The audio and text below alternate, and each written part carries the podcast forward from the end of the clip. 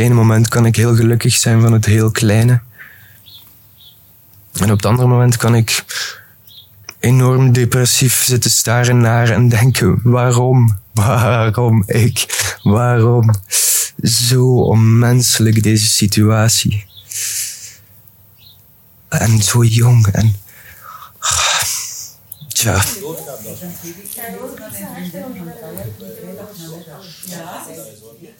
We zijn hier samen met een eh, groep mensen uit de zorgsector die in palliatieve zorg werken en die een training volgen om te leren een einde levensverhaal op te tekenen. Dus bij mensen die weten dat hun leven ten einde loopt, stellen zij vragen. Zij nemen echt de rol als interviewer aan.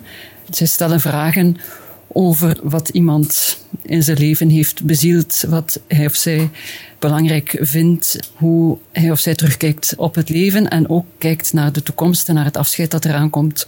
Zij stellen ook uh, heel uitdrukkelijk de vraag over hoe kijk je naar de dood. En dat interview dat ongeveer een uurtje duurt, verwerken zij dan in een verhaal en dat wordt dan in een boekje uitgewerkt en afgegeven aan de persoon en werkt dan als een mooie herinnering ook voor de naasten. U luistert naar Radio Kerknet. Dit is de documentaire Afscheid dat verbindt naar het gelijknamige boek van Hilde Engels. Samen met Isabelle de Smit starten ze Amphora. Een amphora is een kruik met twee oren. Gevuld met water kan ze leven geven. En dat is precies de ambitie van Amphora: leven geven als het leven nog maar kort is.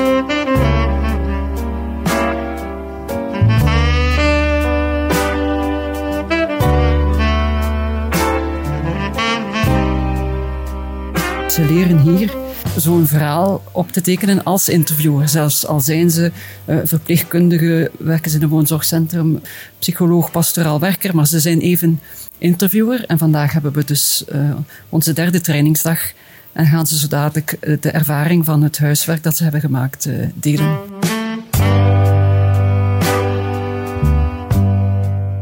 Goedemorgen, mijn naam is Hilde en ik werk in de groep Heelkunde AZ Sint-Lucas te Gent. Goedemorgen, mijn naam is Hilde. Ik geef les aan volwassenen, maar ben enorm geïnteresseerd in stervensbegeleiding. Ik ben Anne en ik werk als pastor in Uzekleuven. Ik ben Kobe en ik werk op een palliatieve eenheid in Ieper. Ik ben Greet en ik werk in de palliatieve thuiszorg equipen in de Noorderkempen. Ik ben Noël, ik was huisarts en ik ben nog equipearts bij het netwerk Antwerpen.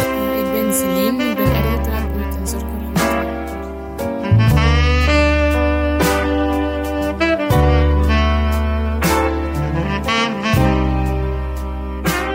belangrijkste voor ons is die, die, die eigenheid van die persoon, die identiteit opnieuw laten stralen. Ik spreek vooral in de geriatrie, omdat hè, ze, ze hebben zo indruk van ja, in de geriatrie ben ik niks meer. En daar probeer ik wel zo de aandacht te zetten van je bent ooit iemand geweest, je had een identiteit. En je ziet ook dat ze in één keer zo weer zo... En ik vind persoonlijk dat hij nu weer zo'n beetje die schouders zo in de, in de gang zo van, ik ben wel iemand. Hè. En dat, dat is eigenlijk de essentie dat belangrijk is. Dat je niet gewoon de ziekte bent, ook al ben je aan het sterven, maar je voordat die ziekte aanwezig was, was ik echt wel iemand.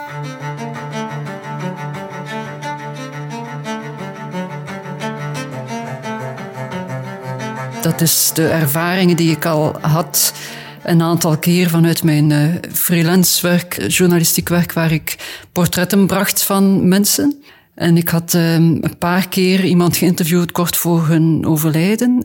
Eén keer een vrouw van 28 en één keer een vrouw van 50. En toen heb ik gemerkt dat dat voor hen heel bijzonder was en heel belangrijk was dat zij konden vertellen over wat hen bezighield, wanneer ze weten dat het einde van het leven eraan komt. Maar vooral door het feit dat dit werd verwerkt, ik verwerkte dat, werkte dat uit in een, uh, in een artikel, in een portretverhaal, dat je dan merkt dat het voor de nabestaanden, voor wie dat leest, ook van grote betekenis was en is en blijft. En ook had ik gemerkt dat bij die vrouw van 50 was dat, dat zij eigenlijk via mij als interviewer, als journalist, zaken zegde aan haar kinderen die ze niet rechtstreeks kon zeggen, of aan haar man. En dan merk je dat je intermediair bent.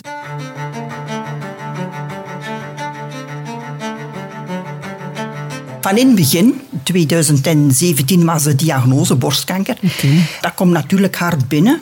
Het idee van ik heb die ziekte, maar ik ben die ziekte niet. En dat mhm. maakt een wezenlijk verschil op welke manier dat ik in het leven kan staan. Ik heb dat misschien een beetje met de genen van mijn ouders meegekregen. En dat is, uh, ik er, ben daar heel blij mee dat ik op, dat op een positieve manier kan benaderen. Hoe erg of hoe triestig dat, dat misschien kan zijn. Er zijn zoveel positieve aspecten. Ik heb zoveel positiviteit al mogen ontmoeten. Ik moet dat zeggen, dat is een op een bepaalde manier, ja, dat is heel, niet echt mm -hmm. bij iedereen welkom, maar voor, op veel vlakken een verrijking voor mij. Echt. Ja. Ik ben enorm gegroeid. Het is niet zo dat wanneer ik in gesprek ben met mensen, dat, dat mijn geloof daar enige rol speelt. Eigenlijk geen enkele. Maar um, als ik daarover nadenk, moet ik aan Livinas denken. Dat je in het gelaat, dat gelaat van de ander een appel is. En als je probeert God in te beelden, als je die dan ziet in het gelaat van de ander, dan is dat voor mij misschien wel een inspiratie, zonder dat ik daar ooit, ik zeg dat nu wel, maar ik ga daar eigenlijk nooit theorieën rond verkondigen.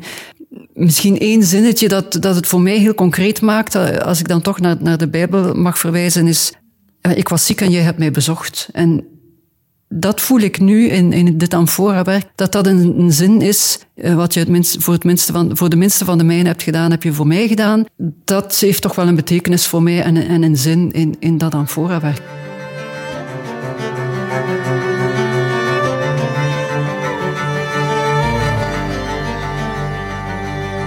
Ik ben de Vos Regine, ben 58 jaar. Ik heb een hele hoop achter de rug. Leidensweg, ook mooie dingen minder goede, pijnlijk. Lastige dagen. Lastige dagen, ja. ja. Fysiek? Fysiek, mentaal pijn, dat wel. S'nachts weinig slapen, of ook niet. En je bent ongeneeslijk ziek? Ja. Zo mag ik dat noemen, ja. En eerlijk zeggen, ik ben positief. Maar eindelijk kan ik, kijk ik naar een verder lang leven niet meer uit kan af van mensen, kan zelfstandig alleen niet meer buiten. Mijn zelfstandigheid is weg. Ze zullen het uiterlijk nooit aan mij zien. Nooit. Maar van binnen. Je zit in een rolstoel en er is één been geamputeerd bij jou. Ja. Ik was zelfstandiger ervoor. Dat in de melon, waarvan ik drie, dat ik drie operaties had. En dat is te wijten aan een schildklieroperatie, waar daarbij een zenuw geraakt is. En de twee eerste operaties zijn, gelukt, zijn gelukt. Was ik de oude en de derde niet. En dan is er dus de voorbije maand ook nog iets gebeurd in je leven? Ja, mijn zoon verloren, plots. 31 jaar. Wel, ik heb nog drie kinderen. Hè. Ze zijn heel, ja, ze liggen me heel nauw aan het hart. Ik ga nou eerlijk zeggen, soms is het zo erg, ik me dan op, maar ik zeg, kijk, als het zo voortgaat, ik ga er eerlijk in zijn, zonder geen twijfel, euthanasie. Op het moment dat het niet meer gaat. Ja, nu ook. Ja. Ik ben 68. Leeftijd, dat, allee, eigenlijk speelt dat voor mij geen rol. Maar wel, wat, doe mij, wat heb ik gedaan met mijn leven? Veel voor de kinderen, voor de kleinkinderen nog altijd. Voor de kinderen nog. En dat is voor mij veel belangrijker dan, dan, dan 80, 90 jaar te worden. En, en allee, ik denk dat, dat we ons leven wel, alleen voor ons gezin, op een mooie manier hebben erachter in te vullen. Want die verbinding, dat gaat over, over ja, dat zit in uw hart en dat zit in, allee, dat zit in u, dat zit in ieder van ons hart. En dat blijft en dat gaat, allee, ik denk, dat wordt ook gezegd dat dat over de, over, ja, over de dood heen gaat. Hè. Ja, het is daar waar dat mensen achteraf zich gaan uh, optrekken. En daarom is wel belangrijk dat we er samen nu aan kunnen werken een fijne periode voor ons, voor ons, uh, voor ons ook nog te kunnen invullen. Hè. Dat is dan dat toekomstbeeld, zal ik maar zeggen. Hè. We zien wat dat een dag brengt, maar hetgeen dat er leeft tussen ons en, en, en uh, dat, is, dat is wel fundamenteel belangrijk. Hè. Ja. Ik ben blij dat jullie gekomen zijn en uh, een tijd voor willen nemen hebben.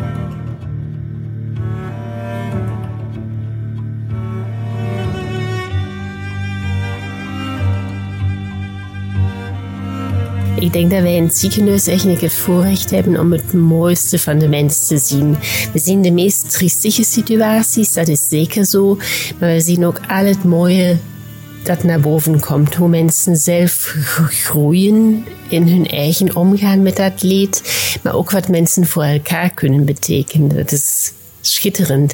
Ik ben ook het helemaal niet eens met dat cultuurpessimisme. Mensen hebben geen waarde, mensen doen niets voor een ander, mensen zijn denken alleen aan, aan hun Facebook en weet ik het. Ik denk dat dat echt niet waar is. Ik denk als je daar een prik in geeft en als er echt een crisissituatie is, dan doen mensen waanzinnig mooie dingen voor elkaar. Dat zien wij elke dag in het ziekenhuis. Dat is fantastisch.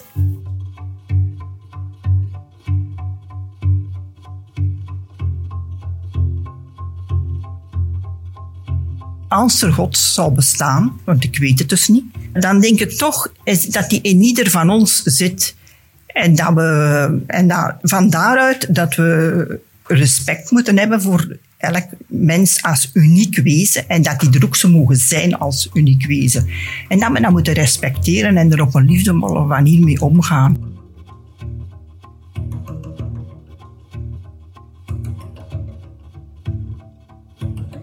Het is ook de bedoeling om dat einde levensverhaal positief te schrijven. De pijn mag verwoord worden, maar uiteindelijk is de boodschap positief. Dat alleen al kan heel helend zijn.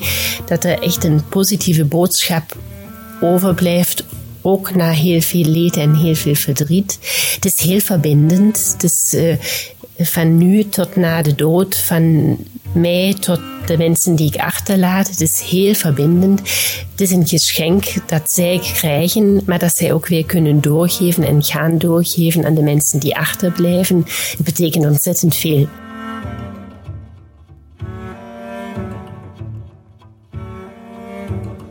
Het zorgt vaak voor uh, grote ontroering en ook emotionaliteit in de positieve zin van het woord. Mensen zijn tot trans toe beroerd. Kan dagelijks wenen. Hè. Ik kon dat niet meer tegenhouden. Hè. Dat kwam er. Hè. Man, ik heb, al, ik, heb, ik, heb, ik heb al geweend voor de rest van mijn leven samen. Echt waar. Er is zo'n spreekwoord, spijt komt altijd te laat. En dan zei onlangs een verpleegkundige bij ons, dat vond ik heel mooi, die zei, soms komt hier spijt nog net op tijd. En dat is zo. Een man die uh, sinds zijn scheiding amper nog contact had met zijn kinderen, maar daar heel erg onder leed. Dus die mochten we opsporen. Uh, de zoon is vrij snel gekomen en dat is heel mooi gegaan. Daar is eigenlijk een heel mooi contact voorzichtig gegroeid. Uh, de dochter heeft, het heeft ten eerste heel lang geduurd eer we ze gevonden hadden. En dan heeft ze nog heel lang geaarzeld. En uiteindelijk was duidelijk dat ze niet meer op tijd ging komen. En dan heeft die man toch nog een kaartje voor haar geschreven met een heel kribbelig hand, handgeschrift, want ik kon bijna niet meer, maar uh, ik zie je graag, het spijt me wat ik niet gedaan heb, het spijt me ook wat ik wel gedaan heb. Je bent het juweel van mijn leven, dat had hij geschreven. En zij is dan nog gekomen. Hij was dan echt nog niet lang gestorven. Ze heeft hem nog kunnen groeten toen hij gestorven was. Ze kreeg dat kaartje. Bleek dan dat zij ook een brief voor hem geschreven had. In al die tijd dat ze aarzelde om te komen, had ze een hele lange brief geschreven. En die brief is uiteindelijk dan mee met hem de kist ingegaan. Maar ze heeft wel aan haar broer verteld wat allemaal in die brief stond. En zo is ook dat contact tussen broer en zus weer veel meer hersteld.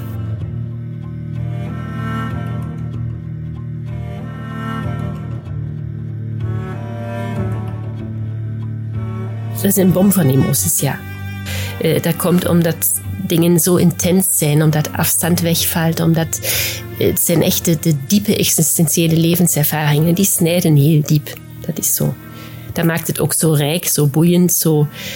Ja, er is niks oppervlakkigs aan, er is geen smalltalk. Je zit meteen bij de essentie en dat is, dat is schitterend, vind ik. Dat is een enorm geschenk ook dat je krijgt als zorgverlener, als pastoor in mijn geval, dat je daarbij mag zijn, dat je zoveel vertrouwen krijgt. Mensen die je nooit gezien hebt, vertellen nu de allerdiepste dingen. Dat is echt wel heel bijzonder. Ik zeg het dan vaak met bijbelse woorden, dat is eigenlijk het verhaal van mensen is heilige grond, daar moet je je schoenen uit doen.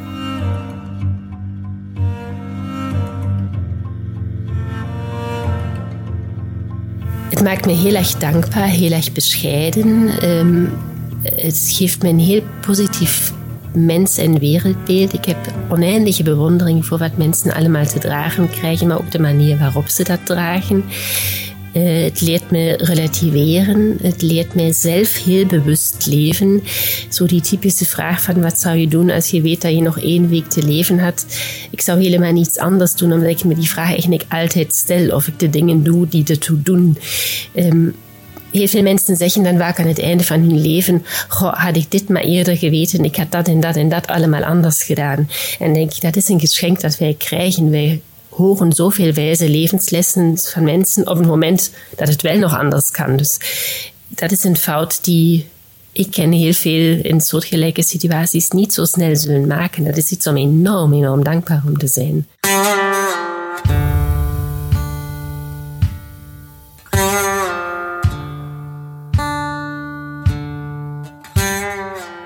Ik ben de Storis Circuit en ik ben 22. Ik was een student industrieel ingenieur elektromechanica in mijn tweede jaar. ik zeg was, omdat dat dus heel onduidelijk is hoe dat mijn traject nu verder gaat gaan. voor de rest ook was een heel sportief persoon. Met vele hobby's, zoals muurklimmen, skaten, slackline als je dat kent. En ze koord dansen en gitaar spelen, zingen.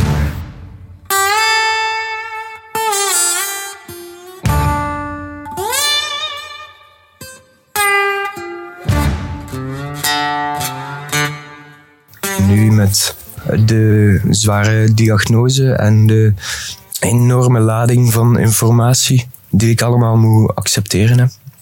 Het heel onduidelijk is wat dat mijn toekomst inhoudt. Het is ook onmogelijk voor mij om kleine plannen te maken omdat mijn lichaam en geest ook heel instabiel loopt. En de, de behandeling ook alleen zwaar is. En ik elk moment zou kunnen sterven aan een infectie. Plus mijn verwachte levensjaren nu ook niet lang zijn. Dus allee, het is allemaal heel, heel, heel onduidelijk. Dus lange termijn plannen zijn ook super vaag voor mij en heel onduidelijk.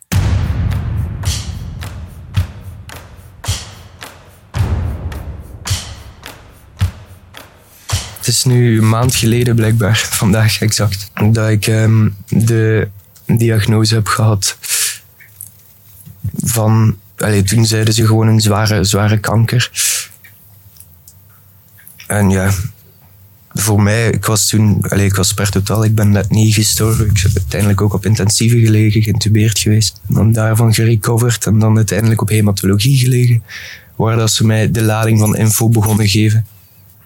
En misschien heel kort, ik heb dus een heel agressieve variant van de ziekte van Kaler. Waar dat dus een beenmergkanker is. En is een die ze nog nooit gezien hebben. en op deze leeftijd. Dus alles is heel onduidelijk. Het is ook een nieuwe soort behandeling. Een nieuwe, hoe dat zij het benoemen, cocktail van chemo's die ze samen hebben gesteld. En een heel onduidelijke levensverwachting die sowieso niet langer gaat zijn dan vijf, zeven jaar.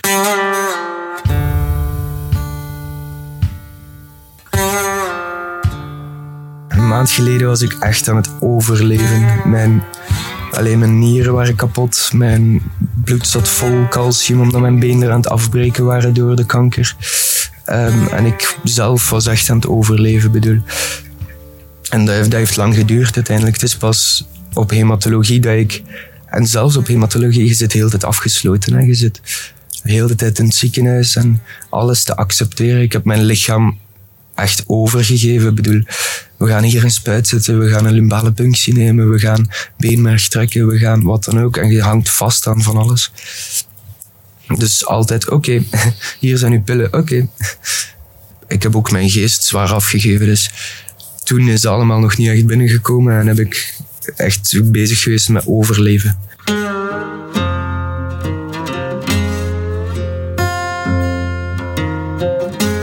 Bijna het geluk dat ik een gamer ben.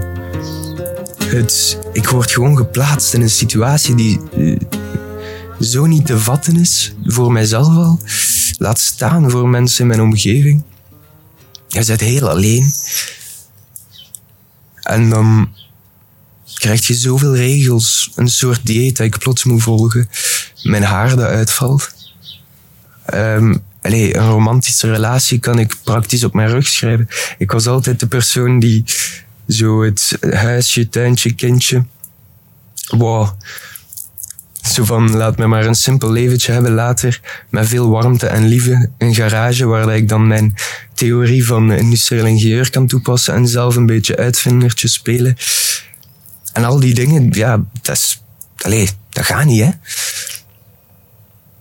Allee, het feit dat wanneer de dokters mijn leven moesten redden en een bepaalde chemo al starten, terwijl ik insliep, en dat dat maakte dat ik niet meer vruchtbaar ben, dat maakt niet meer uit. Want ik allee, kan elk moment sterven. En ga sowieso maar allee, twee jaar leven met een zware behandeling. Dus kinderen is ook weer iets dat dan totaal niet mogelijk is. Bedoel, reizen is op dit moment zelfs totaal niet mogelijk.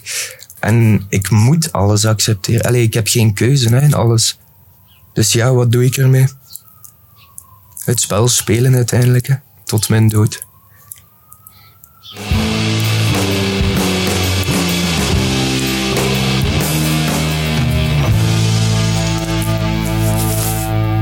Al mijn spieren zijn afgenomen. Ik kon twintig keer pompen, nu kan ik één keer pompen. Zo'n dingen zijn enorm confronterend. Het feit dat mijn lichaam er anders uitziet, is enorm confronterend en voor mij ook heel ja, kwetsend. Het feit dat je benoemt van een eindigheid die, die je voor u ziet in je leven als je 22 jaar bent, hoe denk je over, over de dood? Over de dood zelf heb ik ook voor mijn diagnose altijd al heel, ja, hoe noem je dat, oké gestaan.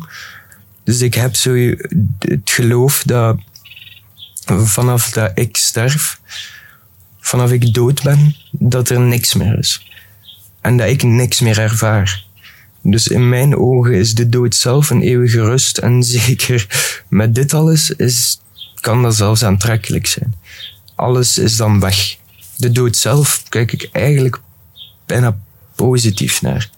Het zijn de dingen zoals het feit dat er geen toekomst mogelijk is en het leven, dat juist heel moeilijk is.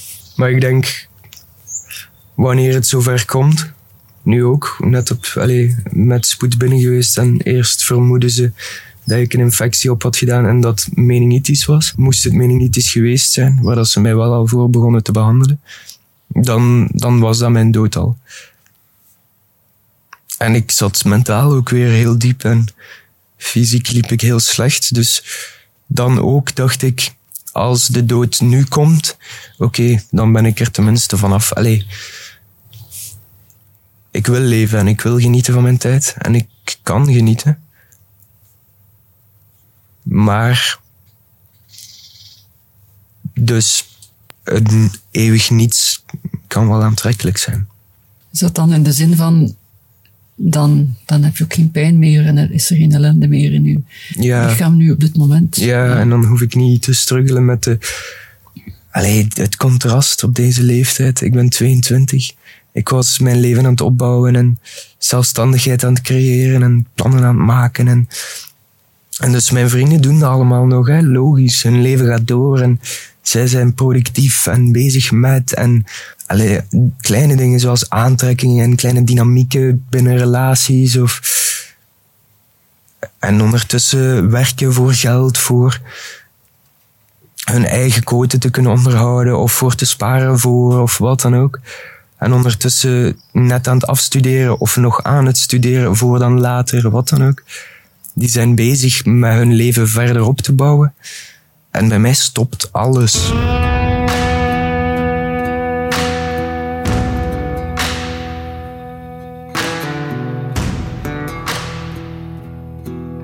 tja, weer dat spel waarbij ik moet leren genieten van de kleine dingen.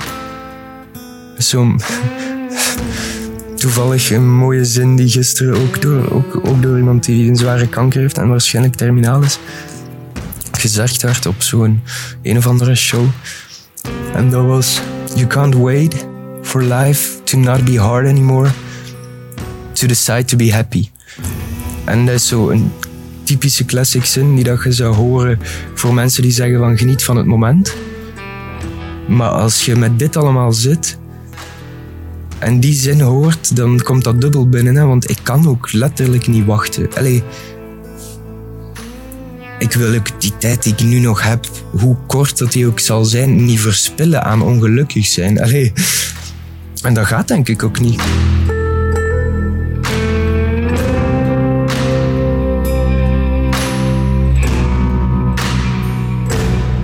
Ik heb zeker jaloezie. Ja. Maar ik kan dat wel snel relativeren, denk ik. Kwaad. Vind dat ook zo'n lastige. Ik kan heel gefrustreerd zijn op situaties. Weer op, op dat ik hier nu zo zit. Maar kwaad, het is niemand zijn schuld. Hè. Zelfs niet mijn schuld, ook al is mijn lichaam dat die mutatie heeft ondergaan. En dus ja, ik weet niet of je het woord kent, FOMO. Fear of missing out. Dat is enorm natuurlijk. En dan het leven, logisch. Als ik weg ben en iedereen doorgaat en wat gaat er gebeuren met iedereen? Ik bedoel, ik wil wel kinderen leren kennen van mijn beste vriendin. Allee. En dat gaat niet gebeuren. En ik wou zo graag weten waar dat de technologie naartoe gaat. en ik wou mijn ouders later verzorgen, zeg maar. Eens teruggeven wat zij mij altijd geven, samen met mijn zus. Dus fear of missing out is enorm op zoveel verschillende vlakken. Dat kan zijn dus van mijn maten die, die allemaal samen nu op café zitten en ik die dat niet mag. Of kan. Tot wat ik allemaal ga missen nadat ik sterf. Maar dat is dan weer te relativeren met dat ik daar niks van ga merken als ik dood ben. En dat dat voor hen gewoon zwaar zal zijn.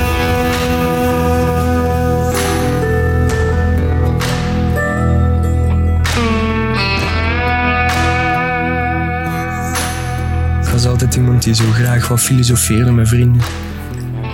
Ja, sinds dit alles is mijn blik zo veranderd op alles ook weer.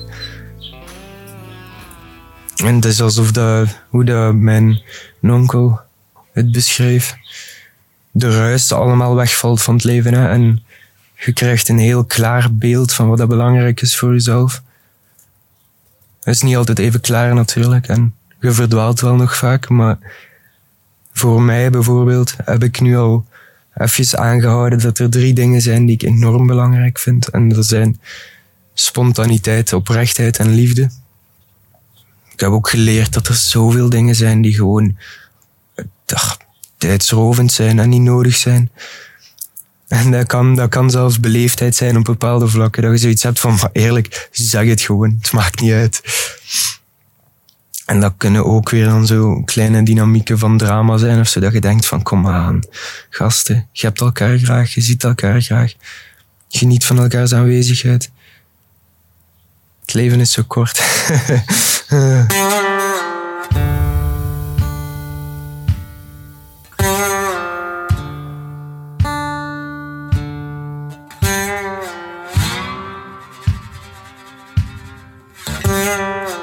vroeger was het theoretisch gelijkend met nu. Namelijk liefde en uw eigen geluk vinden. Dat is altijd al mijn beeld, mijn perspectief geweest op de zin van het leven. Maar nu, is dat, nu voel ik dat echt. Nu is dat heel erg in de praktijk gekomen. En die theorie heeft echt een plaats gevonden. En ik merk dat ik daar heel afstandelijk naar kijk. En wel nog altijd, ondanks dat gezegd is het zin, de zin van het leven, heel veel dingen doet die daar niks mee te maken hebben. En verdwaalt in competitie en wat dan ook nog.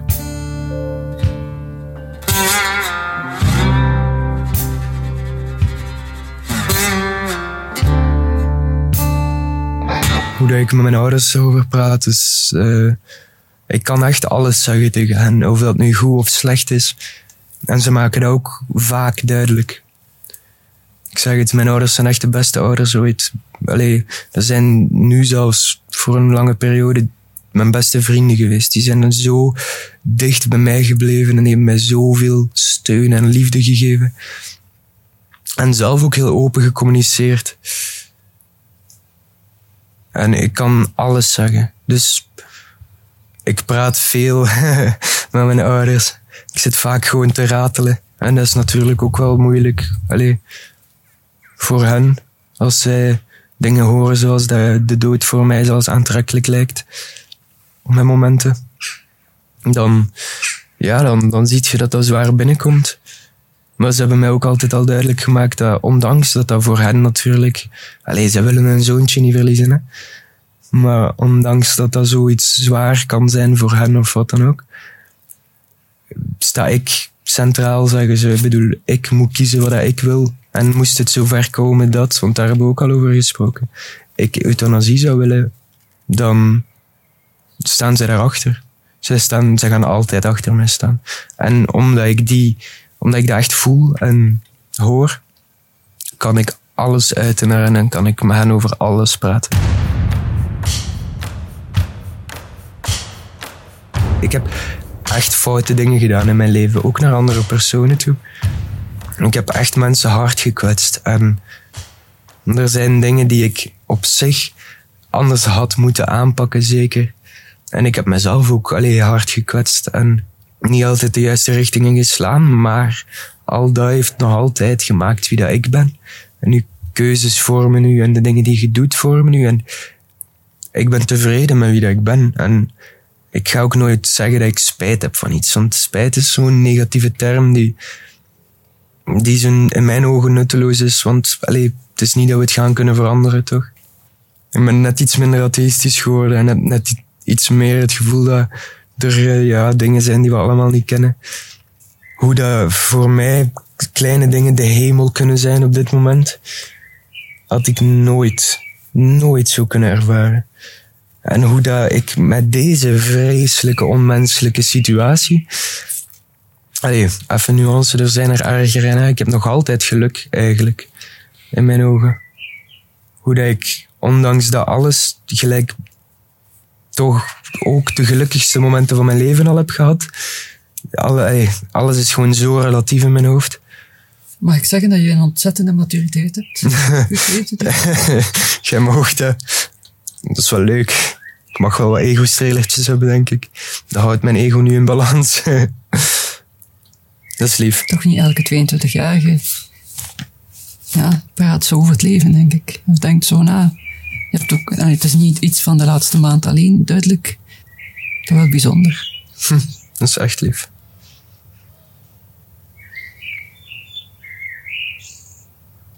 kijk vooral met veel vraagtekens naar de toekomst. Alleen al wanneer ga ik sterven? Want het is heel onduidelijk. Het kan binnen een week zijn, maar het kan ook binnen drie jaar zijn. Dus dat is ook al iets speciaals eigenlijk. En hoe ga ik leven? Als het, als het nog drie jaar duurt, hoe ga ik dan leven? Want nu met die behandelingen is ook een ja, eerlijk zwaar leven. Maar stel dat er een geslaagde stamceltransplantatie zou zijn, dan is het mogelijk dat ik normaler zonder behandeling leef even. Dat kan ook weer een week zijn, dat kan een jaar zijn. Maar dat zijn dus allemaal vraagtekens. Ik weet alleen dat plannen niet mogelijk is.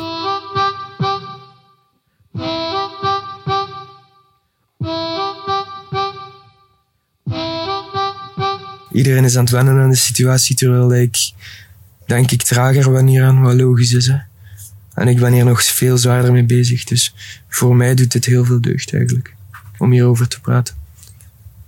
En moest ik niet zo doodop zijn, fysiek en mentaal, zou ik denk ik ook veel meer emoties naar boven hebben nu. Doe wel deugd. Om mijn verhaal eens kwijt te kunnen. Ja.